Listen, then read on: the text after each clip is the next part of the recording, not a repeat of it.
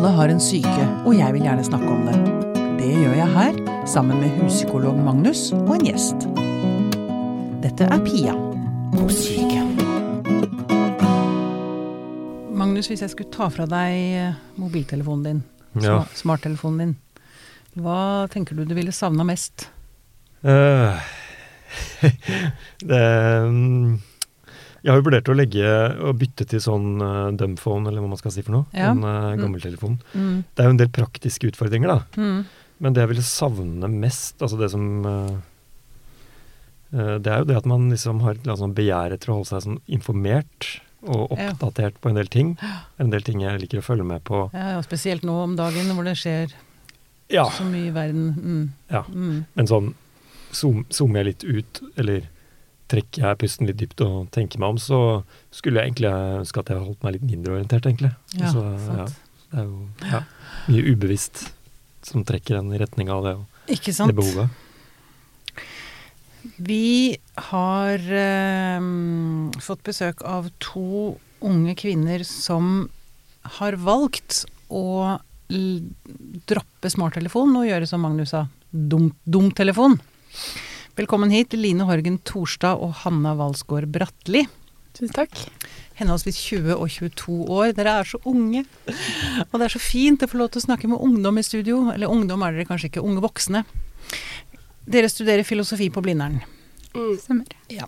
Og dere byttet ut eh, smarttelefonen med en dum Nokia for henholdsvis ett og tre år siden. Nå vet jeg ikke hvem av dere som begynte. Hvem er det som begynte først? Eh, jeg begynte for tre år siden. Du begynte for tre år Mm. siden. Og du fulgte på.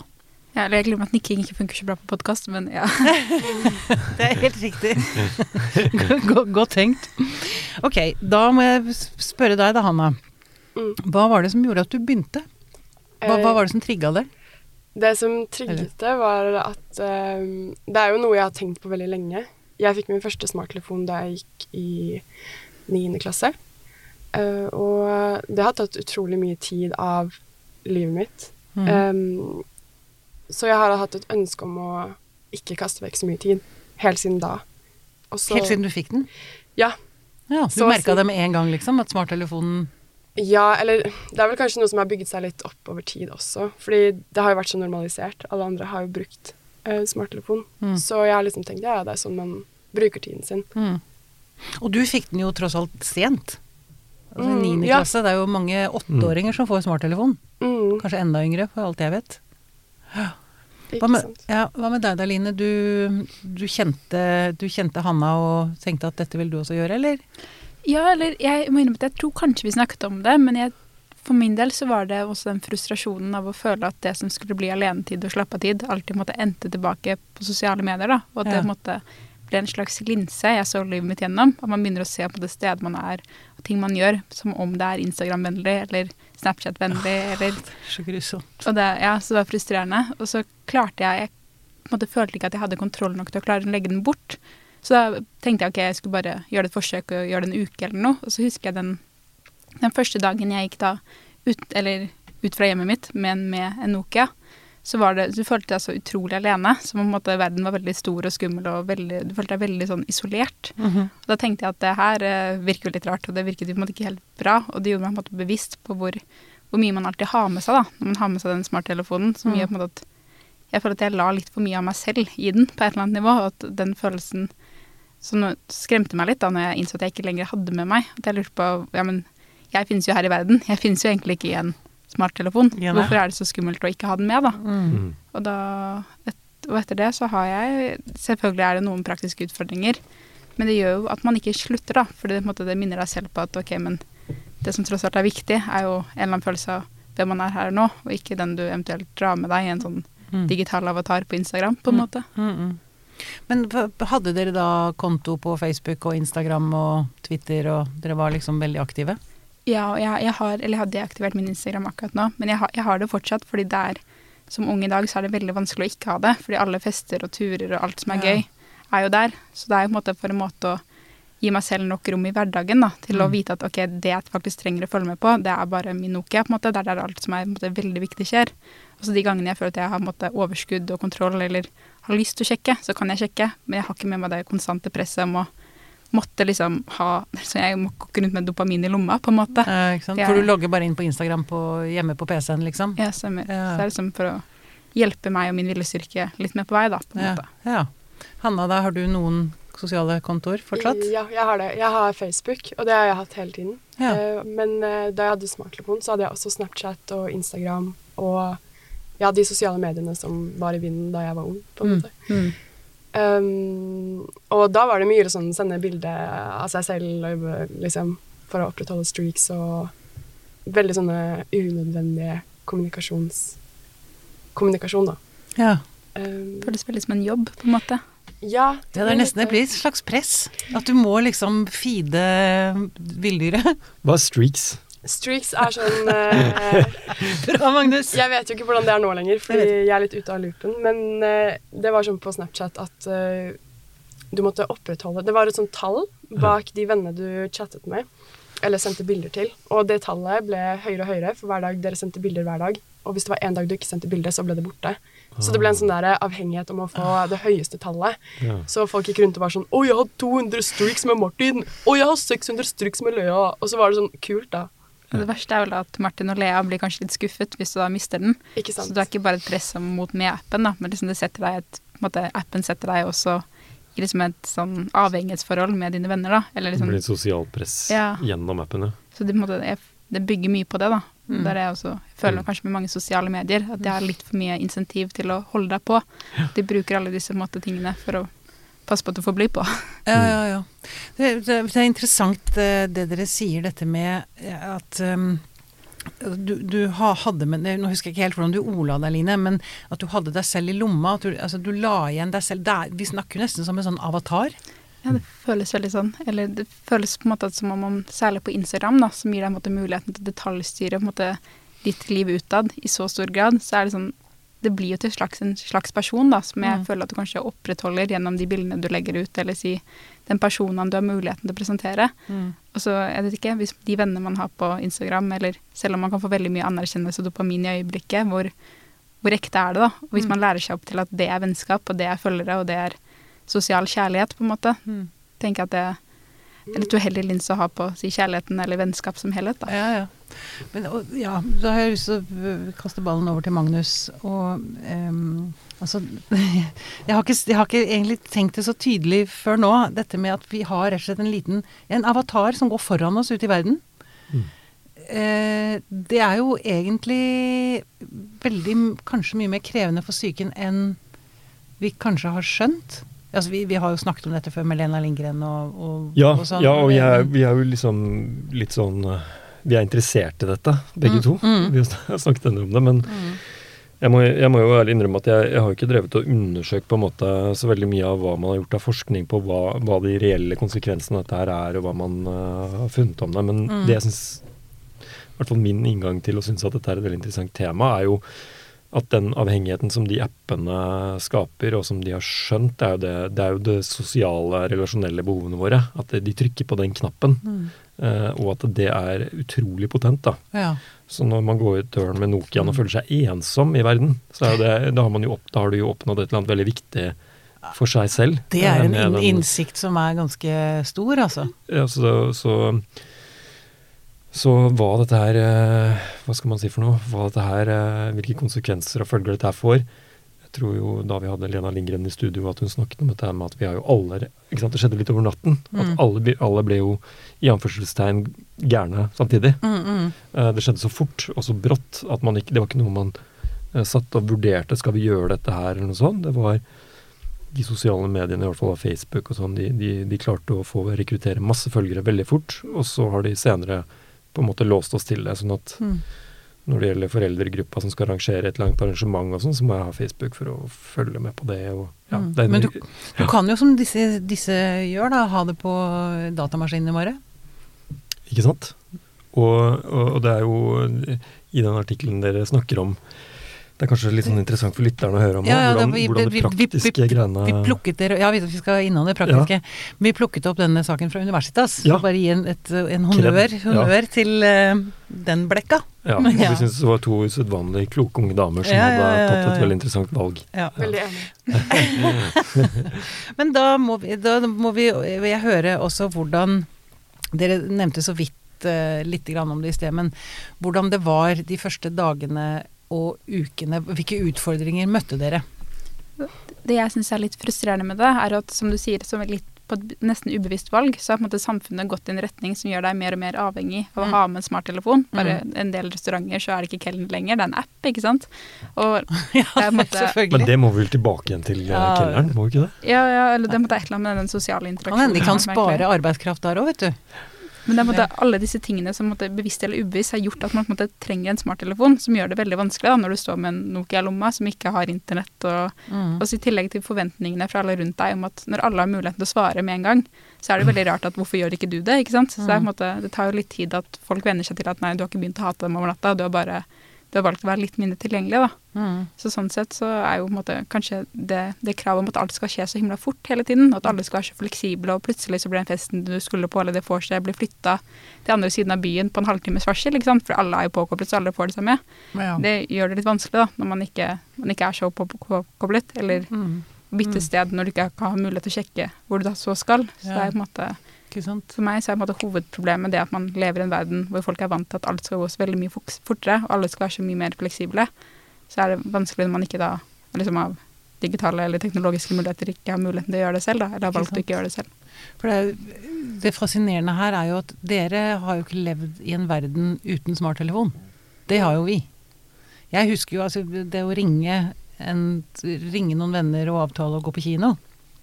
Da møttes du der og der til det tidspunktet. Det var litt, du kunne ikke gjøre det, du hadde ikke noe valg. Det var ingen som kunne endre noe som helst.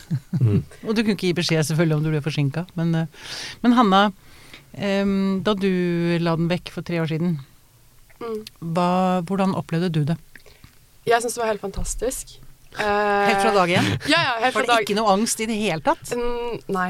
Eller nå er det jo tre år siden, så jeg, har Det er mulig det har mildnet seg litt. Jeg har sikkert blitt farget litt eh, av at jeg syns det var så bra, på en måte. Men eh, jeg syns det var utrolig deilig å ikke måtte drive og sjekke. For det er den sjekkingen som gjør meg helt gæren. Eh, Men hva gjør du da når du sitter på bussen eller på eh, kjeder deg i en kø eller uh... jeg syns det er et så morsomt spørsmål, fordi hvis du hadde stilt det liksom for 50 år siden, så er det sånn Hæ? Ja. Det er sånn Hæ? Eh, det er kjempe Jeg syns det er veldig fint. Jeg bare sitter og ser ut av vinduet og, og bare ser på fuglene eller sånn. Det høres jo veldig sånn romantisk ut, men det er eh, Ja, men det er jo Livet er romantisk. Ja, men I bunn og grunn. Det er bare vi som har glemt det, tenker jeg. Ikke sant? Eh, men jeg føler det er som om jeg lever på en måte på, på et plan som ingen andre lever på, på en måte. Fordi når alle rundt meg på T-banen Mm. sitter på eh, telefonen, og så sitter jeg der uten telefonen, så er det som om alle er på samme sted, og så er jeg på et helt annet sted. Ja. Eh, så sånn sett er det jo litt sånn ensomt, kanskje. Men Mm. samtidig så sitter jo alle alene på telefonen, liksom. ja. De bare føler seg påkobla. Ja. Uh, og de er jo påkobla, men de er bare ikke påkobla selve livet. Ja. Eller noe sånt noe. Ja, eller det er jo det man sier, sånn koble av telefonen og koble på livet. Mm. Um, men det å kjede seg tror jeg generelt er veldig viktig når man står i kø, når man bare venter på en buss. Um, Da begynner man å eh, overhøre andres samtaler, og så begynner man å se på folk, og kanskje man rett kommer i prat med noen. Ja, en som sa til meg at uh, uh, Jeg traff jo kjæresten min på bussen. Gjorde du det? Ja, Nei, den som sa det til meg. sa det, ja. Ja. Mm. Uh, og det var jo fordi at bussen var litt sånn et sted hvor man satt og så på folk før. Det var noe som hadde aviser sånn. Men man ble, man ble opptatt av andre på bussen Mm. og kom i snakk med folk. Eh, I Norge så har det kanskje eh, eh, vært sånn at det, ikke- det, er ikke, det gjelder ikke alle som sitter på offentlig transport i Norge, men det var mer sånn før, mente han da. Mm. Og at nå så sitter du, hvis, du- hvis du treffer noen på bussen nå, så er det fordi at du sitter og ser ned i en eller annen datingapp. uh, så at du kan gjøre noe sånt, men det er på en måte skjer virtuelt, da. Mm. Og det er kanskje, kanskje han har et poeng.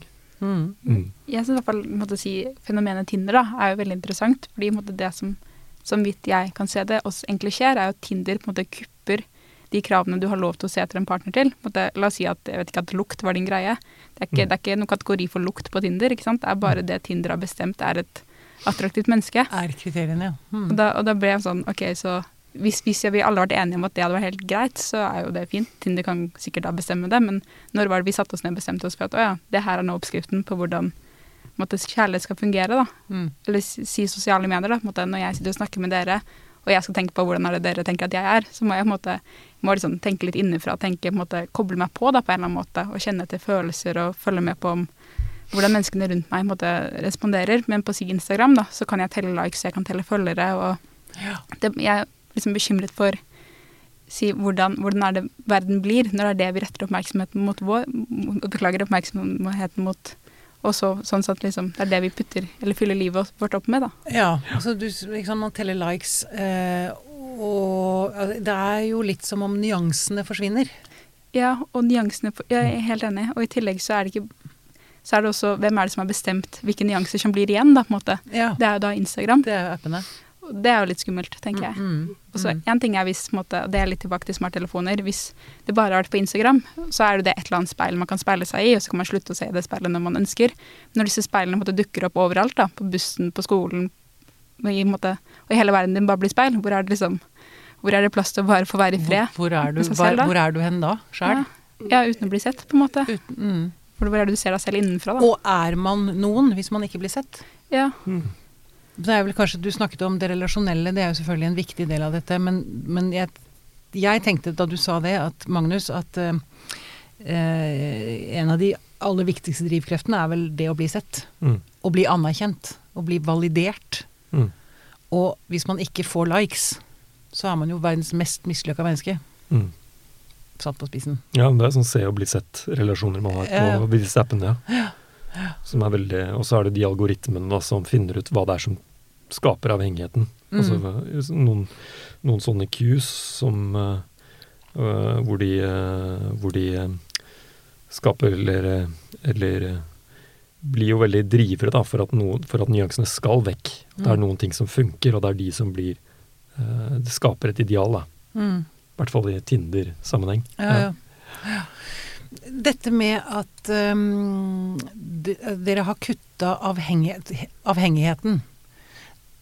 Um, det står det så respekt av. Jeg, lurer på også om, om dere eh, er veldig Altså, det er jo en du, Man gir jo disse store selskapene en finger. Det også er litt deilig, er det ikke det? Jo, Er dere litt stolte av det? Det er liksom Jeg er så stolt. Fuck you! Ja, ja, Jeg lever fint uten dere. Ja, men helt klart. Og liksom Jeg syns det er eh, Jeg slutta jo med smarttelefon før TikTok kom, Mm. og jeg er ganske sikker på at hvis eh, jeg hadde hatt det nå, så hadde jeg vært sykt avhengig av TikTok. Ja. Og jeg er bare så sykt glad for at jeg bare slapp unna den, på en måte. Ja. Um, og ja, det å vise at det går helt fint an uten smarttelefon. Mm. Sånn Man bruker alltid argumenter med at ja, ja, men hva med de praktiske tingene? Men det er sånn Det er en liten, bitte liten smule, liksom. Det, det ordner seg. Ja, la, la oss ta og gå gjennom de praktiske tingene. Nå skal vi hjelpe folk der ute. Kanskje, Jeg merker nemlig at jeg blir veldig inspirert. Har lyst til å prøve. Kjenner at det, det begynner å sitre litt i meg. Og bare det er jo veldig, en veldig god ting, for det betyr at man lever. Er Litt skummelt. Hvilke praktiske ting er det man mister når man tar vekk smarttelefonen? Vi er så avhengig av det, vi ser det ikke lenger, vet du. Det er selvfølgelig eh, sånne apper, sånne ruter, reiseapper, liksom. Og så er det VIPS kan man plutselig ikke Da må man sitte ned og logge inn på bankkonto og overføre penger for den middagen man spleisa på. Mm. Tenker på at litt av problemene i sånne situasjoner er jo på en måte at det er litt vanskelig å gjøre på individbasis. da. Det er selvfølgelig mulig, men grunnen til at det er så vanskelig, er jo fordi resten av samfunnet går andre veien. Mm. Så på en eller annen måte så jeg opplever at mange sier at ok, nei, men jeg kaster bort tiden min, og jeg har så dårlig viljestyrke, og jeg får det ikke til. Mm. Og så jeg tenker på en måte at, at det er litt mye å legge på din egen viljestyrke. da. Man er litt hard mot seg selv da. For du lever jo i et samfunn som du sier, hvor alle forventer at ok, Vipps-oppgjør kan bli tatt med en gang, Mm. og uh, rutebilletten må, må være digital, eller, og alle må kunne forandres hele tiden. da, på en måte. Mm, mm. Så man tvinges veldig inn i på en måte, en, et avhengighetsforhold, ikke bare til en måte, appen og sosiale medier, men også det Mm. praktiske. da. Ja. Så sånn sett så syns jeg man også skal være litt grei mot, seg, mot meg selv, eller seg selv, når man har sittet da en time på Facebook eller et eller annet, og tenke at her er det både si mekanismer fra på en måte, eh, folk som ønsker å tjene penger på din tid og oppmerksomhet, og et samfunn som ikke har gjort nok da, for å beskytte deg mot disse kreftene. Mm. Men på det mer praktiske for på en måte, individet, så er det jo ja, Jeg tror det er å avtale litt med menneskene rundt seg, og sånn at de vet at du har en venn i en gruppechat som ringer deg hvis ting blir forandret. Mm. Og så da så rute kort, og så bruke litt tid til å planlegge da, før man drar ut døra. Men så har man da ikke kart, for eksempel. Er det andre ting? Jeg må, nå, må, vi må bare ta tyrene ved hornene her. Ja. Og se på hva er Hvilke problemer kommer man opp i hvis man dropper smarttelefonen? Eh, man blir veldig god i hoderegning. fordi man har ikke kalkulator. Jeg har faktisk verdens dårligste kalkulator på min Nokia, så, så det, det, er, det er mulig. Oh, ja, Men den er helt krise. ja, du Ja. bruker den. Nei, den er så dårlig. Du går jo matte, så du burde jo kunne Ja. Det er Men- bra for trent hjernen. Så det, det, er ikke noe, det er ikke noe minus, tenker Men jeg. Men når det kommer til kart, så er det sånn at uh, jeg, hvis jeg skal til en adresse jeg ikke har vært før, så tar jeg det på Google Maps på PC-en før jeg drar, og så Mm. prøver jeg å memorere veien. Så det er også veldig bra hjernetrening. Det er det. Det er Mm. veldig bra hjernetrening. Og jeg har aldri liksom eh, vært så veldig god i geografi, men jeg har blitt tvunget til å lære meg Oslo å kjenne på en helt annen måte. Ah. Så ja, det, jeg føler det bare kommer gode ting ut av det. Jeg går meg jo vill, og jeg må jo ringe venner. Uh, som er litt flaut å innrømme, men, uh, men, men ikke, ikke sant, det gjør jo at jeg får liksom på en måte en bedre, eller ikke en bedre relasjon, da, men at jeg tar kontakt, spør om hjelp. Og når folk gir hjelp, så er det jo, de, føler de seg viktige, ikke sant? Så det gir jo forholdet sånn en boost, da, Ja. tenker jeg. Ja. For å bruke eksempler på å komme meg hit, så hadde jeg da sjekket Google Maps før jeg satte meg på trikken. Men så kom jeg, og så hadde jeg helt glemt hvor jeg skulle. Så da spurte jeg en stakkar som satt og venta på sin trikk, da, hvor er det Sverdrups gate er? Og så sendte han meg i riktig retning, og så fant jeg det fortsatt ikke. Men da ringte jeg da Hanna som sitter der, så hun kunne guide meg i mål. Ja, da, vi fleipa litt med da du kom inn. Du hadde funnet veien med en smarttelefon, vet du. Skulle hatt smartphone. Men det, det, det er interessant. Jeg kom på en eh, episode som skjedde meg for noen år siden borte på Grünerløkka her, hvor det sto et par over en mobiltelefon. Og så sier han fyren, vi kan bare spørre henne, pekte på meg. Så sier hun nei, nei, jeg finner det på appen. Og så ser han på henne, og så sier han ja, men det er det mye hyggeligere å snakke med et annet menneske. og så kom han og gikk han bo, Ja. Finnes det en arkbutikk i nærheten? spurte han om. Ja, så jeg pekte jeg opp. Lå, ja, ja, ja, der er den. Fint. Og så hyggelig. Så smilte vi. Og så ble det rett og slett en, en, et møte mellom noen mennesker som ikke hadde eksistert hvis de hadde fulgt appen bare. Hvis de Mm. bare hadde sett ned på telefonen. Mm. Ja. Ehm, ja, er vi gjennom de store problemene nå? Bare for, så vi kan gå videre i samtalen. Er det ting som dere har opplevd som Er det andre apper vi har glemt som eh, Sånn rutebillett er jo null problem. Det er bare å kjøpe en, et kort eller en billett på Narvesen. Ja. trenger ikke app. Sånn som de gamle fleksekortene? Mm. Ja, for at de finnes fortsatt. Ja. Altså Hvis du er student, så må du også, også huske å bestille student- eller sånn semesterkvittering to ganger i året for at, Ja. skal, for at studentbilletten din skal være gyldig. Så det, fordi vanligvis er det en app. Men det, Ja. Hva sier disse restaurantene som har sånn QR-kode og meny og sånn, hva sier dere når dere, de, når dere kommer inn?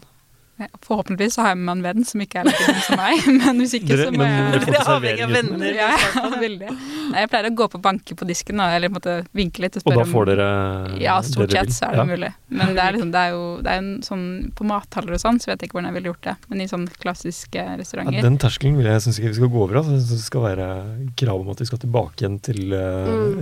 altså, akkurat Det syns jeg er veldig krise. I hvert fall Ja, for meg. Så er det Helt enig. Ja. Helt enig.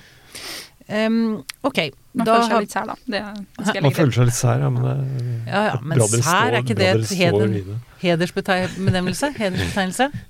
Sær er fint, det. Men jeg, jeg bare lurer på én ting. Ja. Fordi det dere sikkert, Når dere har orientert dere om dette, så er det én ting jeg har savnet, og det er smarttelefoner som bevisst har en sånn detox-greie. Eller at man På en måte så kunne jeg tenkt meg en smartphone som bare hadde Ruter-appen og Vips, og, men som blokkerte eh, en del andre ting. Som gjorde at eh, den var liksom halvdum. Ikke full dumbphone, men, men heller ikke smartphone. En IQ på sånn rundt 80. Ja, gjennomsnittlig, helt vanlig gjennomsnittlig Ja. Ja. Det er egentlig veldig interessant, og det er på en måte et nytt segment som Calm Technologies, eller rolig teknologi, som bl.a. Remarkable faller ut under. Jeg vet Ja. ikke om de har vært borti det. Jo, jo, jo. Og det er da for eksempel forskjellige Det er i hvert fall mye i tenkeboksen, da. På en måte sånne telefoner som på en måte er bare i sort-hvitt, da. Eller har sånn Ja, så du Ja. ikke får noen farger, for å prøve da å minimere effekten av det. Så det er avhengigheten. Som vi, vi trigges jo av disse røde. Mm, varslene og sånn. Mm. Så jeg, jeg tror på en måte det er et marked for det, da. Ja, for jeg, jeg, jeg lette faktisk etter en sånn app. for jeg tenkte sånn, Det har sikkert noen tenkt på før meg. og så kan det, Om jeg, jeg kunne få en app som bare ikke noe hijacket telefonen min og plomberte en del funksjoner, og som ga, lot meg ha andre. Men det fant jeg ikke. Nei. Men det er, jo, det er jo faktisk en mulighet å fjerne Facebook, Instagram, TikTok Jo, men det som er greia, er at det er veldig lett å tenke at ja, men nå, nå, Nå ville det vært veldig praktisk å ha For det, nå, er det noe, nå er det en sånn tråd på, på, på Facebook hvor de diskuterer fotballturneringen og sånn. Det kunne vært veldig praktisk å laste den ned. Så det er veldig lett å bli trukket inn i ting. Mm. Sånn, og, det, og det tenker jeg rett og slett er det du sier med at det er for mye ansvar på menneskene. Altså at det er jo veldig mye som handler om å bryte avhengighet, som handler om å stenge kanalene Mm. for at man hele tiden blir eh, sugd inn i det igjen, da. Mm. Det er liksom det med den, den individualiseringen som måte samfunnet går i. da. At Apple eksempel gir deg skjermtid og sier at det er ditt ansvar å passe på at du ikke er så mye på den. Ja. Men samtidig så kan du si at Apple er jo avhengig av å sende, selge nye telefoner. Og hvorfor er det så poeng av så himla bra kamera hvis du skal, skal dele det med alle vennene dine på Facebook? Ikke sant? Så det er en helt sånn overvåknings- eller informasjonsøkonomi som går rundt ved at du på en måte Mm. er avhengig av telefonen din. Mm. Og det, Nå kommer jeg på en annen ting. Selvfølgelig bilder. Altså selv om man er på Facebook og Instagram, som dere er, da, eh, så får man jo ikke delt Det er ikke så lett å dele bilder. Da må du ut med kamera, da, og sette inn Mm. kortet i, i maskinen, og så gjøre det derfra, liksom. Så Jeg- det, det gjør dere kanskje ikke noe særlig i det hele tatt nå, da? Lenger. Jeg bruker bare Jeg har ikke Instagram, jeg har bare Facebook. Ja, ja Eh, dere har én hver, så ja. vidt jeg skjønte. Mm. uh, og jeg bruker Facebook bare som en sånn uh, Et vindu inn for å se hva slags arrangementer som fins, og Mm. for å ha chatter med venner. Mm. Jeg legger ikke ut noen ting. Nei. Deler ikke artikler eller det er ikke noe Nei, eh, jeg har ikke så mange venner på Facebook, for jeg slettet den gamle Facebooken min, og så Ah. lagde jeg en ny en. Ah. Eh, for jeg orket ikke alle de gamle tantene som la ut ting. eh, så jeg har ikke så veldig liksom, stor påvirkningskraft, så jeg tenker at det ikke er så stort poeng at jeg deler ting. Ja. Men eh, Så det er jo en måte jeg kan ha kontakt med de nærmeste. mm. Eh, og jeg bruker det liksom som Når folk sier at de bruker sosiale medier til å ha kontakt med folk, så er det liksom Det er det jeg gjør, da. Mm. Ikke, ikke liksom Jeg viser ikke frem livet mitt på noen måte. Nei. Nei. Føler du deg mindre sett? Nei, nei, nei. nei, nei, nei. Og det er jo litt sånn Jeg føler meg jo eh, veldig sett av de jeg bryr meg om at skal se meg, på en måte. Mm. Av de nærmeste vennene mine, familien min. Mm. Og jeg trenger ikke at masse fremmede folk skal like meg, på en måte. Eller at sånn en venn av en venn skal like maten min, liksom. Nei. Det går fint. Det er, det er, man jeg klarer den seg. kameraet også er litt interessant, for det er mulig at jeg er i overkant forfengelig, men jeg syns det er litt deilig å ikke ha mulighet til å sjekke alltid hvordan man ser ut, på en måte. Ja. Det blir også mindre Det er. Det er ikke så mye fokus på å prestere, da, på en måte, Mm, fordi du, mm. går, du våkner opp, og så ser du ut som du ser ut. Så trenger egentlig ingen å vite om det, med Mm. de du møter. Mm. Det er på en måte annen fascinerende ting med. Instagram. da. Man er så opptatt av å være veldig fin, men alle som ser deg på Instagram, vet jo hvordan du ser ut en tirsdag morgen. Så det er på en måte, hvem, hvem er det egentlig man lurer? Mm. Em, la oss snakke litt om angst. Um, for jeg tror at ganske mange kan oppleve ganske stor angst ved å ikke ha den fluktmuligheten. Altså, Mm. en, en smarttelefon er jo en flukt Absolutt. fra, som du sa, Hanna, kjede seg. Mm. Eh, og kanskje også forholde seg til ubehagelige følelser. Mm. At? Du, du, du blir jo, det er jo en slags eh, Hva heter det? Diversjon, hva heter det? Mm. Altså man, man blir eh, Distraksjon. Distraksjon, takk skal du ha. Mm. Diversion, ja. Mm. Distraksjon fra eget følelsesliv Mm. er det vel også. Jeg vet jo at jeg kan bruke det sånn. Mm. Og nå har jeg det litt eh, vondt. Da går jeg inn og flagrer gjennom alle appene Ja. i en times tid. Ja. Og så har jeg det skikkelig mye verre. Så er du tom etterpå. Så er jeg helt mista lysten til å leve etter det. Mm. Nei, men det er klart det er en helt enorm kanal for, å, for, for akkurat det. For Mm. å få utløp for akkurat det. Mm. eh, For en flukt. Eh, og så er det jo Ja, jeg, akkurat det, da. Når, jeg tror jo Dette med at folk har et sånt forhold til eh, det, å ikke bli, eh, det å ikke bli stimulert, altså det å kjede seg, at folk opplever det som en sånn eh, Den første bølgen av at 'å ja, nå skjer det ikke noe'. Mm. at i den første bølgen, indre bølgen av at nå er det litt lite stimuli her, Mm. så går, kommer telefonen opp. Eh, det tror jeg at veldig veldig mange har eh, vent seg til. At de fisker frem telefonen da. Og jeg husker en komiker som snakket om det. altså at eh, Før i tiden så satt man jo holdt ut veldig mange kjedelige samtaler med folk, mens nå har folk Ah, telefonen ved siden av i hånden omtrent. Det er jo Mm. litt satt på spissen, det er jo ikke alltid det er sånn, men at noen holder da telefonen opp eh, Eller han, tar, han, han sa at han tar seg selv i å holde telefonen opp mens folk snakker. Og så er det sånn Ok, kom igjen, fortell meg det du skal nå. Men vit at du konkurrerer med all verdens nyheter og live overføring fra det ene og det andre. Ja. Og all verdens musikk som vi har på denne skjermen ved siden her nå. Ja. Så med mindre det du sier nå, den der eh, historien om katten din som gjorde et eller annet, eller noe sånt, Mm. så forsvinner oppmerksomheten min i den telefonen. Og det er noe der kanskje Ja. Uh, at man uh, så fort noe ikke gir tenning, da, eller mm. griper en, så bare går man rett til et medium. Mm. Eller et sosialt medium, Ja. eller noe annet. Det, jeg har sagt det før her, men jeg har tenkt å si det igjen nå. Det er kanskje det er noe av det mest provoserende jeg vet om. Det er folk som sitter og ser på telefonen sin i en samtale med meg. Så er det, når jeg hører hva du sier, jeg hører hva du sier. Nei, det tror jeg ikke noe på. Jeg Legg den vekk, eller så gidder jeg ikke å snakke med deg. Mm. Utrolig respektløst. Men jeg tenker på en måte der man ser tydelig er på en måte si, den, den utålmodige hjernen, da, på en måte. For jeg Mm. tenker at hjernen har jo, den kan jo bevege seg så fort den bare vil, på en måte. Jeg vet ikke når du går på skitur, jeg driver alltid og ser på fjellene der borte og håper, ønsker at jeg er der, på en måte. Men så må jo troppen, eller kroppen traske hele ruten. Jeg føler at det er litt sånn med, si med livet òg, da. måte, At hjernen har et eller annet sånn sug på hastighet. At alt skal gå så fortere og fortere. Og nå har vi for første gang mulighet til at det faktisk går så fort som hjernen skulle ønske oss. Det er ingenting som begrenser oss, så lenge vi bare har overføringshastighet og bredbånd, på en måte. Og det tror jeg er litt vel avhengighetsskapende, da, på en måte. Mm. Da plutselig sitter du med din grandtante Else og så tenker du det her er ikke så spennende, på en måte. Men så, og så trenger du kanskje ikke å tvinges gjennom det, da. Og så, men det, kanskje det er en verdi da, i å faktisk måtte høre litt på kroppen og tenke hvor er kroppen nå, Mm. og så gå i kroppens tempo, og ikke bare hjernen og smarttelefonen. Mm. Mm. Mm. Ja. eh, Vi har snakket om eh, utfordringene, problemene. Og eh, en ting som jeg kom på der også, det er jo dette med at man ikke har med musikken sin. Og man kan ikke gå tur og høre på podkast. Det er jo krise for meg. Mm. Eller på, for Pia og psyken, for det produktet vi lager, Magnus. Basert på at folk går tur. Basert på at folk har med seg mobilen på tur når de sitter på bussen Yes. og sånn. Ja. Så kanskje podkastlyttinga går ned hvis Mm. alle går over til Nokia-telefon. Men det får jeg leve med. Men det var altså utfordringene. Finne, apropos, finnes det fortsatt uh, iPod? Apropos Finn musikk. så selger de jo iPod. Kanskje det får en sånn revival hvis dette tar litt av nå? At folk går tilbake til Nokia-telefoner? At iPod kommer tilbake som, en, som et Nå produkt? husker jeg ikke navnet, men jeg mener at det er en sånn smart liten duppedings på størrelse med omtrent med en fyrstikkboks, som selger da iPoder, da, bare at det ikke er iPod lenger. Så det er på en måte overraskende mye sånn ja, rolig teknologi som finnes der ute, hvis man, hvis man, må, hvis man gjør litt Rolig teknologi er et utrolig fint uttrykk. Ja, så er det sånn da teknologi som på en måte ikke prøver å forstyrre deg, men heller på en måte hjelpe deg å være menneske på en menneskelig måte, da. Jeg merker jeg suges mot telefonen min for å google rolig teknologi.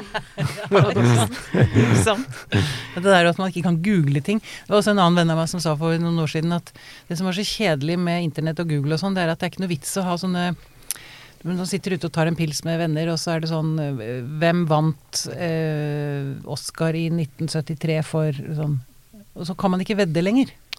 Fordi Nei. alle googler det med en gang. Du Og sitter sitte og krangle hvor alle tar feil. Ikke sant? Og sitter det sånn Jo, det var han. Det, ja, Det var uh, faktisk Ja, ja. Marlon Brando som fikk for dem. Nei, nei. Men det er sant, det er liksom veldig sånn Jeg prøver veldig å stå på mitt da når det kommer til sånne diskusjoner. At sånn Hvis det er et sånn faktakunnskap, Mm. eh, så prøver jeg å være sånn Nei, nei, ikke google det, kan vi ikke bare snakke om det? Snakk om- mm. Fordi det er, ikke, det er ikke sannheten, eller hva som er fakta, som Nei, er verdifullt. Det er den derre undringen Mm. og diskusjonen. Mm. Det er det som er spennende. Mm. Og det er det som jeg føler Google Eller sånn Det har blitt en misforståelse, da. Fordi man tenker at det er faktaene, at det er liksom det som er spennende. Mm. Ja, og så er det jo Så er det jo ikke det. Og Google kan ikke gi deg den interessante samtalen. Nei. Det hadde bare vært veldig rart. Vi kan avslutte den veldig fort. Ja. De kan ødelegge. Så det som også da er litt interessant, uten å ta på meg altfor mye konspirasjonsteori i hatten, så er det det også at Google presenterer jo ikke den samme informasjonen til alle. De presenterer jo på en måte informasjon de tror du har lyst til å klikke på. Mm. Så én ting er hvem som vant en Oscar, kan jo på en måte være det samme, men Mm. samtidig, la oss si hvis du skal skrive en forskningsrapport, da, på en måte, Mm. og du allerede er inne i et konspirasjonshull, Så kanskje Google også gir deg noe som fører deg videre. Så det er på en måte, det å sidestille Google med sannheten kan jo også være litt farlig, på en måte. Mm. Ja, eh, absolutt. absolutt. Hvis, I hvert fall hvis man sånn, søker frem resonnementer eller holdninger eller altså propaganda eller ja. Mm. Men ja, da skal jeg tilbake på sporet. Vi har snakket om det verste, altså problemene. Så hva er det beste? Vi har jo toucha inn på det òg, men dere skal få lov til å utvide, utvikle det. Hva er det beste med å ha en dum telefon? Det beste er jo liksom uh, ansvarsfraskrivelsen. Eller fra, fra liksom uh, Det å ha kontakt med folk, da. Uh, med en smarttelefon så føler jeg jo at det er et ansvar. Altså det å alltid svare. Svare med en gang. Svare på alle appene. Mens nå føler jeg at jeg kan ta meg liksom, svare på melding liksom, en halvtime, en time senere. Mm. Fordi de vet jo også at jeg har en Nokia, og de sender meg en melding. Og det er liksom sosialt akseptert å svare senere på melding enn på chat. Mm. Uh, så jeg føler at jeg prioriterer meg selv i mitt eget liv. uh, fremfor å prioritere andre. Ja. Eller sånn, ikke at jeg ignorerer alle vennene mine, men at det er mer sånn Jeg er veldig til stede. Og jeg merker også at jeg har mye bedre konsentrasjon. Og eh, jeg blir ikke så distrahert når jeg leser. Det er veldig mange positive ting. Ikke sant? For det, dette med lesinga, det, det sliter jeg alvorlig med, og det er utrolig Mm. trist. Mm. Og det, er Og det går så Det er så fort at den derre at man må, Jeg må bare sjekke én ting, jeg må bare sjekke én ting. Mm. Mm. Og det er ikke så rart også, fordi en bok tar jo for seg Hvis det er en litt tykkere bok, da, så tar det jo for seg et lengre resonnement. Og det tar tid å lese seg gjennom, og det er ofte at man kanskje faller litt av, eller konsentrasjonen svekkes litt. Mm. Men man fortsetter å traske på, fordi det er mer hvis man ikke har smarttelefon. da. Mm. Fordi det er mer interessant enn å bare sitte og se ut i luften. Se og glo i veggen, ja. Så da blir det Ikke sant? Så det er det jeg opplever, at liksom alt annet blir mye mer interessant Mm. enn å ikke gjøre noe. Mm. Og når eh, hva skal man si, baselinen er ingenting, istedenfor at baselinen er smarttelefon, så blir alt mye mer interessant. Fordi hvis jeg kunne gått til en smarttelefon, så hadde jo det vært mer interessant. Ga deg mening? Ja. Ja, ja, og, og, ja, og det som også som, jeg, som har slått meg, og det spesielt nå i, nå i det siste, jeg vet ikke hvorfor, men det er akkurat som jeg blir aldri helt tilfredsstilt. Jeg kan sitte og, og, og gå gjennom app etter app, frem og tilbake mellom Instagram, Facebook, eh, diverse nettaviser, og så leter jeg etter, jeg leter etter noe, og så tenker jeg, hva er det du leter? Altså, så jeg har ikke noe, det er ikke noe jeg leter etter. Men det er som om en, en eller annen sånn indre trang til å få Det er vel et eller annet kick, da. Kanskje jeg venter på neste kicket, liksom. Mm. Men nå er det som om jeg Kanskje det er det at um, at um, eh, man, hva, hva heter sånn man, man får sånn um, toleranse Altså jeg har fått så høy altså, Det skal så mye til for å få det samme kicket igjen, da. Mm. Men jeg bare, ikke sant, du sitter og så har det gått en time eller to, så er det bare, som du sa, det er, det bare helt tomt. Ja, når er det du sist så noen sitte og scrolle intenst på mobilen i time og halvannen, for så å legge den fra seg og si nei, nå har jeg fått en stor opplevelse jeg vil fortelle alle om. Dette var en høytidelig opplevelse. mm. Nei, det, det, det får man ikke, nei. Nei. Så det er jo uh, det, er, det er ekkel, den er ekkel, den følelsen. Jeg begynte å bli oppmerksom på den. Mm. At ja, men jeg, jeg finner ikke det jeg leter etter. Mm. Eh, eh, Ja. Jeg, jeg, jeg føler også det der som han er inne på, da, er den friheten til å bare få lov til å være i fred. Og ikke ha den der, jeg føler på en måte at det er den digitale avataren som driver og drar meg ut av kroppen min og inn i Instagram. da, Fordi man ønsker en anerkjennelse. Man ønsker liksom å ikke markedsføre seg selv på en spesiell måte, men det er liksom Mm. det å kunne få slippe alt det. da, Og så bare, bare få lov til å være helt, helt i fred. For det er på en måte Man trenger jo aldri være helt i fred. på en måte, Du kan jo alltid ha hele verden i lommen, men så er det hvis du bare er et menneske når, når andre ser deg, sånn som vi var inne på før, når, måte, hvem er du da, og hvordan vet du at det du lever er ditt liv, måte, og ikke Instagrams liv, eller jeg vet ikke, satt litt på spissen. Men det er jo på en måte en eller annen frihet å bare kunne være, gå og surre hjemme en kveld, og så ikke ane om noen skal ha tak i deg, på en måte, og det, hvis de skulle det, så får de gjøre det i morgen, på en måte. Ja, ja. Men jeg fikk aldri spurt deg, Line. Hva mener du er det beste med å ikke ha smarttelefon? Men det er vel det å føle at jeg har kontroll på en måte hvor min oppmerksomhet og min vilje drar meg. da, på en måte. Som du sier, at hvis jeg har lyst til å lese en bok, så leser jeg en bok hvis jeg orker. Og hvis jeg ikke orker, så orker jeg ikke. Men da gjør, da gjør jeg det, på en måte. Mm. Det er ikke det at du alltid må føle at du blir sett av noen andre, eller på en måte eller bare er på smarttelefonen for å være, for å være der. da. Så man klarer liksom å eksistere i lengre tidsperioder, hvis det er mening. Fordi på Ja. Instagram så er alle tidsperiodene et halvt sekund eller et eller annet. Ja, man får lengre linjer i livet på en eller annen måte. Måte, men når du leser en mening. bok, da, så ja, som Hanne sier, så følger du et resonnement, eller når du går tur og hører på podkast, så er det også en eller annen utstrekning, eller Mm. du trener, eller Mm. du gjør noe av deg som krever at du faktisk står i det, eller står i deg selv, da, og du Mm. kobler deg litt på deg selv. Mm. Og det for meg gjør at jeg føler meg grunnet, og jeg føler meg som meg, da, og ikke en sånn flytende liten ballong oppi cybersfæren. Ja. Du, nå må jeg bare sjekke. Du heter Hanna? Ja. Ja, jeg, jeg syns du sa Hanne, så da tenkte jeg å nei, har jeg fått feil navn? Hanne, det er ja, riktig. nei, nei, sånn som Hanna sa, var det jeg mente. okay. Det er veldig lett å veksle. Ja, ja. Hvordan eh, reagerte, eller reagerer omverdenen på denne radikale avgjørelsen deres? Nei, eller jeg, de fleste skjønner det egentlig overraskende godt når man sier det. For jeg har inntrykk av at mange opp, opplever det samme. da, At de opplever at de føler seg avhengige, eller at de føler at de ikke har frihet. da, Og så er det mange som ikke helt tør å ta steget. Og det skjønner jeg veldig godt, fordi det er, det er mulig, men det er nesten ikke. For det er veldig, veldig upraktisk. Men, og det er jo av den yngre generasjonen, da, Det som er interessant, er at det er mange i den eldre generasjonen som antageligvis ikke er så vant til Facebook og sånn, som ikke kan skjønne det i det hele tatt. Som ikke kan skjønne valget deres? Nei. Nei. Mm. Så jeg tror på en måte at du For må de har ikke den avhengigheten som yngre har, nei. Ja, Mm. og så tror jeg også er et eller annet det at ja, det er alle det sosiale presset, da. på en Måte. Mm. Tenk at hvis du er 14 år og hele verden din skjer på Facebook, Ja. så er det urimelig å kreve at vedkommende Mm. ikke skal være på Facebook. Mm. Så da trenger du hjelp av skolen eller verden eller Mm. landet til å Ja. måtte, få litt Mm. fra, da. Men kanskje man burde bli pålagt en sånn måned når man blir myndig? Når man blir 18? Sånn, det, du, det blir som verneplikten. Du må Mm. gjennom en måned uten smarttelefon Mm. for å bli et ordentlig voksen menneske. Så kan du ta valget etterpå.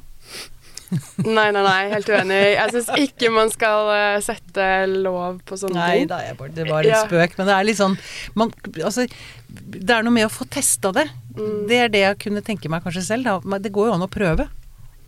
Mm. Men det er, det, det er noe med det Line sier, at jeg får akkurat samme respons når folk skjønner at jeg har en sånn Nokia.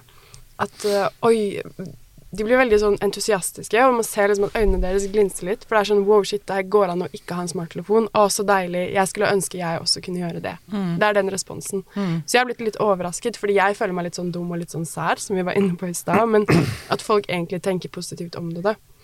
Uh, og nå glemte jeg hva poenget mitt var, men Det er helt eh, Men at Jeg var veldig for eh, høy i Pia og psyken. Ja, Mm. så bra. Mm. Mm, men ja. Em, eh, dere snakker også om at kroppsbildet er forbedret.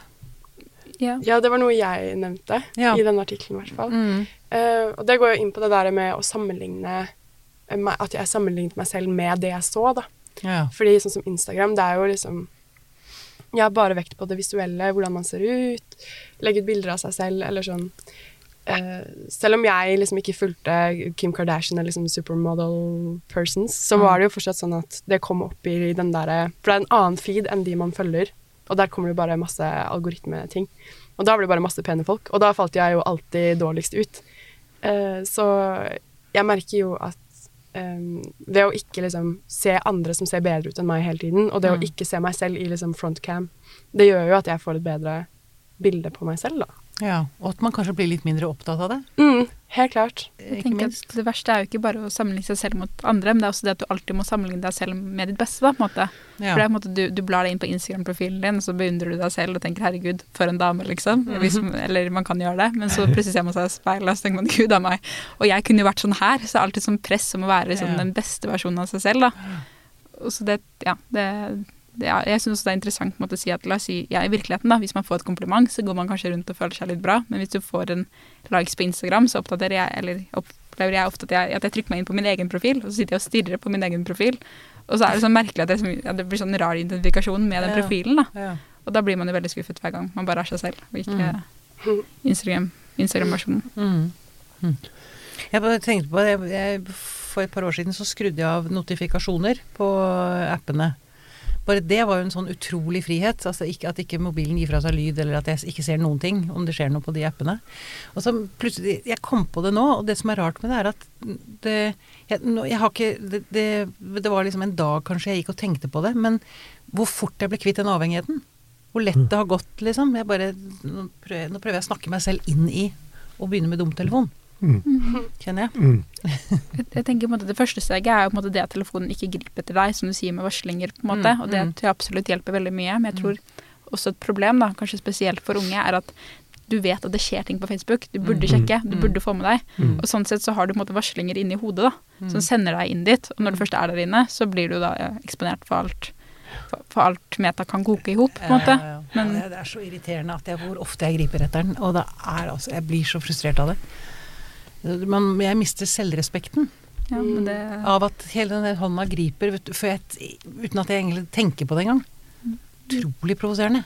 Det synes jeg bare igjen bare, Det er mulig at jeg gjentar meg selv, men jeg syns det er viktig å huske på at det her er, det er urimelig å stille mennesker da, som enhet Ja. mot, mot det her. Og det er en en hel økonomi som baserer seg på at kloke hoder sitter og tenker Så hvordan kan vi få deg mest mulig avhengig. Og det er liksom, Jeg jeg liker et eksempel filosofen Sebastian Watzel kommer med, som jeg tror går sånn omtrent at La oss si at du så for deg en bande med sykkeltyver som måtte skrinet deg hver eneste dag og fulgte etter alt du gjorde. Så ville du ikke være, måtte føle deg dårlig for å miste sykkelen din. Du ville kanskje forlange at noen kom og passet på sykkelen din, eller et politi som fikk stoppet denne sykkelmafiaen. Ja. Men det vi gjør, er å tenke men herregud, hvorfor klarer jeg ikke å passe bedre på sykkelen min? Men, men Akkurat. Ja, men det er et bra bilde. Nå skal jeg ikke være så hard med meg selv. Mm.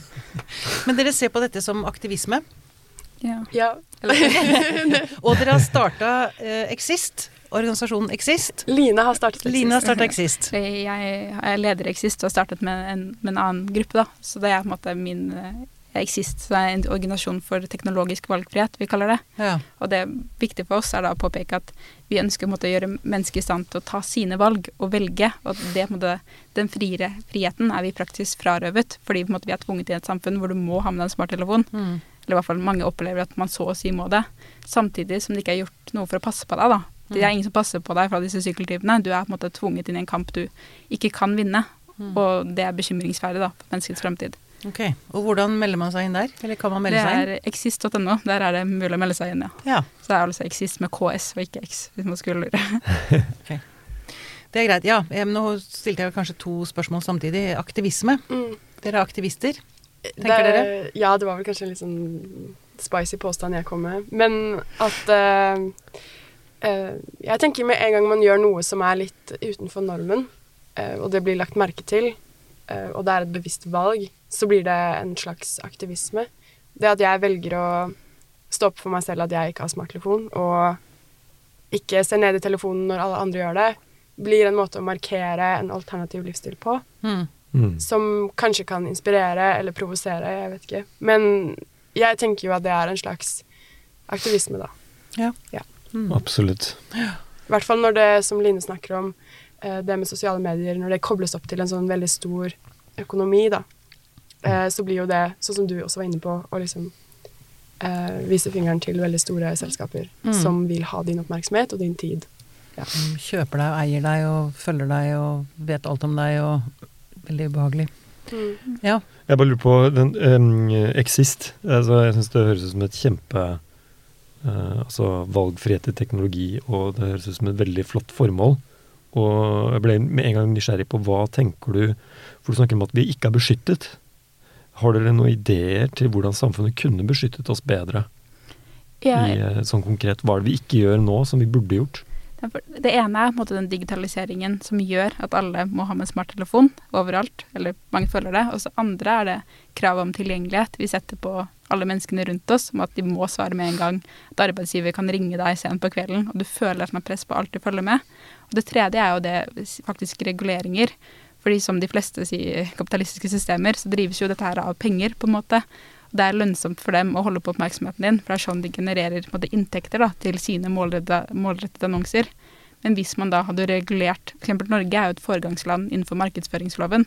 Hvis vi Mm. hadde hatt tilsvarende reguleringer, enten bare for barn eller for, for alle, da, Ja. som hadde gjort at det ikke var så lønnsomt å tjene penger på dette her, eller at man trengte større åpenhet med algoritmene eller dataene, Ja. så kunne man gjort mye for å på en måte forandre insentivene, da. Mm. Mm. hva, hva, hva ville du sagt at politikerne helt sånn konkret skulle lagt frem som forslag for å, for å regulere bedre? Det er et stort og vanskelig spørsmål, og det er viktig for oss å måtte tenke på hva man kan gi, da, kontra hva Ja. man skulle ta fra folk. For det er mange Ja. som har vært sure hvis de hadde mistet Facebook. Men det er på en måte hva er det Facebook er pålagt å gi deg? på en måte? De kunne jo gitt deg all informasjonen de har, gitt deg mulighet til å slette den.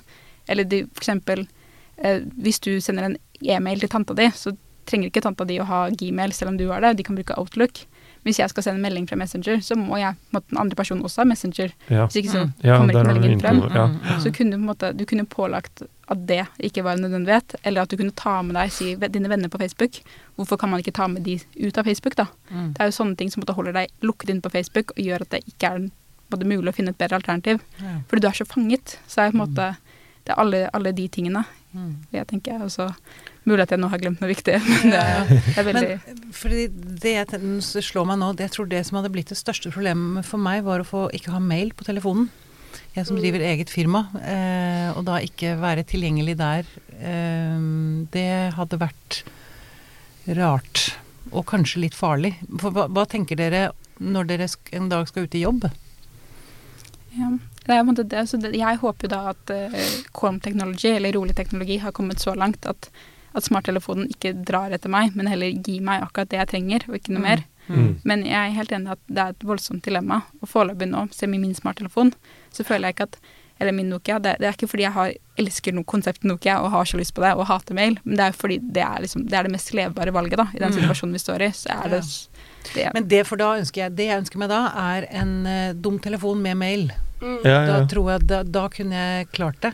Men da plutselig slår man det, det. Det er faktisk Det gjør at jeg ikke kan si nei til smarttelefonen, tror jeg. Men jeg tror kanskje det finnes. Jeg tror Hvis Mm. man gjør på en måte, Ja. Det er mulig at det er det ikke er kommet så langt, men det virker som på en måte at, da er det i emning. at, det, Mm. at det er en bevegelse av folk som innser at på en måte, det, det Apple og Facebook sier, presser på deg. da, Mm. at Hvorfor i alle dager skal vi akseptere det? Ikke og at det verden er blitt sånn som den er. Det er som dere sier, det er jo ikke naturkrefter. Det er jo valg som har blitt tatt, da, og kunne blitt tatt annerledes. Men, og jeg, og jeg, jeg var helt oppriktig altså, når jeg søkte, søkte etter å finne en betalt app som går inn og reduserer IQ-en på smarttelefonen min. Ja. Som jeg bare laster ned og bare går inn og gir meg svart-hvitt-skjerm og nekter meg Altså bare sånn for å, for å få hindre at det er mulig. For det er jo litt det der med at ting som lett er praktisk, leder til noe mer. Altså at Ja. du, du laster ned en ting, og så Mm. uh, baller det på seg. Mm. Mm. Og ja. Men det skjer ting. Det er jo helt nydelig. Og som vanlig de unge som går foran. Det er veldig inspirerende, altså. Mm. Har dere, har dere Jeg må spørre dere unge, har dere troa på fremtiden? Ja. Bra! Man har ikke Eller, eller sånn eh, Jeg føler jeg har ikke noe valg enn å ikke ha det. Mm. Um, fordi hvis jeg ikke skulle hatt det, så hadde det jo ikke gitt meg noe lyst til å fortsette. på en måte. Mm. Men uh, sånn som Lina er inne på, men det, det, de jobber jo med å finne nye løsninger. Um, og med tanke på reaksjonene jeg får av folk, så virker det jo som at folk er enig med meg, på en måte. Eller Mm. at Det er inspirerende. Folk syns Mm. blir inspirert av å høre på det. Ja. Mm. Og um, jeg tenker jo at forandring er jo ikke umulig, men det er jo vanskelig. Mm. Krever litt av oss. Det gjør det. Det, har vi godt av. I, med tanke på fremtiden så tenker jeg at det er fortsatt mulig å gjøre noe. Og hvis vi gjør noe nå, så kan det bli bra. Men jeg er veldig redd for hva som skjer hvis digitaliseringen bare fortsetter. Mm. Plutselig sitter man opp, ender opp i en verden hvor Facebook bestemmer si, den politiske diskursen, og alt er styrt av algoritmer, og det, det faktisk ikke er mulig å være et helt ekte menneske uten å ha en smarttelefon. Mm. Og da er jeg bekymret. Men jeg håper jo at politikere og samfunnet tar til vett og innfører de reguleringene, eller de måte, si, samfunnsmessige endringene, Mm. holdningsendringene, tror jeg det er mye baserer seg på, som skal til Mm. for at dette faktisk ender opp i riktig retning. Mm. Jeg har heller ikke tro på noen fremtidsdystopi. Vet ikke, har du det? Er du Nei, jeg er ikke, nei, nei, nei, nei, jeg er positiv. Jeg har, jeg tror på det gode i mennesket. Mm. Selv i disse Putin-dager så har jeg virkelig, virkelig tro på det gode i mennesket. Det, er, eh, det, jeg tror den, det, det blir bare mer og mer godhet i menneskene, tror jeg. Jo mer fælt vi ser, jo godere må vi bli. Så tror jeg på en måte at, som vi er inne på, at det skjer ting, da, det med, si, med korona. At den der holdningen om at hva som skjer når det alltid er en direktestudio på telefonen din, da, eller når du alltid har muligheten til å følge med, eller hva som skjer når du bare møter folk på Zoom, at det er noe i det menneskelige, da, eller menneskelig kontakt. Mm. Og det, at det kanskje man begynner å tenke på er, er, det, er det helt naturlig å alltid være tilgjengelig. da? Jeg tror mye hadde vært gjort hvis man bare kunne tenke at ok, alt, eh, liksom to timer var en rimelig tid å få svar på på alt. Mm. For da kunne man, da kunne man gjort mye annerledes, da. på en Ja. måte. Men jeg tror det med korona, at det også har fått folk til å innse veldig sånn verdien av kaffepause mellom forelesninger, mellom det å sitte ved siden av folk du ikke kjenner i et klasserom. Mm. Så jeg har følt veldig mye på det, og bare det å komme tilbake på campus og se folk jeg aldri har sett før, men sitte i samme forelesning som den må være sånn 'Å, jeg er så glad for at jeg kan se deg, og du er en god person'. At det er noe veldig sånn Veldig meningsfylt, da Ja. med det å være sammen og ikke bare informasjonsoverføring via nettet, eller se Mm. ansikter, eller høre stemmer. Det er Mm. noe med den der tilstedeværelsen Mm. uh, som jeg tror kanskje folk har liksom skjønt at er skikkelig viktig, da. Jeg tenker at det, det, er- noe annet med å sitte i verden kontra det å sitte på telefonen. Og så sånn Mm. sett. For jeg tenker også på å si hvordan man møter hverandre. Da. Hvis jeg har en tavle her og peker på den, så demonstrerer jeg veldig med meg i et rom, og jeg får, liksom, jeg får plass til hele meg. Da. Både liksom følelser og lukt og alt det her. Med Mm. en gang du må inn på denne bitte lille smarttelefonen, så blir liksom følelsesregisteret ditt så veldig begrenset, fordi det er på en, er på en skjerm, da, og ikke liksom i verden. Mm. Mm. Så jeg, jeg tenker at det er et eller annet med det rommelige også, da. Ja, nivå. absolutt. Ja. Mm. Jeg tenker eh, det, Jeg minner meg om et eller annet Jeg tror det er Mozart som sa at musikken finnes i pausene. Eller i mellomrommet mellom tonene. Det er der musikken bor. Eller noe sånt noe. Det er, det, det er noe med dette som vi ikke kan sette ord på, som blir borte i, eh, i det digitale. Mm. Mm. Men det er noe med det, eller det du var inne på der, da, med avgrensning. At når Mm. du er i et rom, så er det avgrenset. Du Mm. forholder deg til et begrenset mengde, en- en begrenset mengde mennesker. Mm. En begrenset mengde informasjon. Mm. På telefonen så er ikke det tilfellet. Nei. Det er et evighetsvindu. Mm. Det er ingen mellomrom eller pauser. Mm. Og da blir det ikke heller musikk. Nei. Mm. Sant. Takk. Er det, der, det der med å være fysisk i samme rom, det er jo noen kvaliteter ved det. En ting du nevner, det med lukt og, og en del sånne ting som eh, når sansene våre, som de ikke gjør gjennom en telefon, men som også er et eller annet sånn Det er så mye rikt, mer rikt stimulerende å være fysisk til stede i rom sammen med andre mennesker på en måte som jeg tror strekker seg utover det vi har begrep for også. Altså at det er noe, det er noe eget ved det å være til stede i verden fysisk, Mm. sammen Mm. som, uh, som du sier uh, sikkert mange har eh, merket nå etter korona, Mm. at uh, når det er tilbake. Så nå begynner musikkfestivalene kanskje tilbake. Ja, ikke sant. Nå er det mye Og veldig mye av det som man har savnet, kommer tilbake. Ja. Nydelig. Det, er, eh, det har vært utrolig inspirerende å ha dere i studio. Tusen takk for at dere kom, Line Horgen Torstad og Hanna Valsgaard Bratli. Tusen takk Takk. Takk. Jeg ble inspirert, det var deilig. Jeg har mer tro på fremtida nå, takket være dere.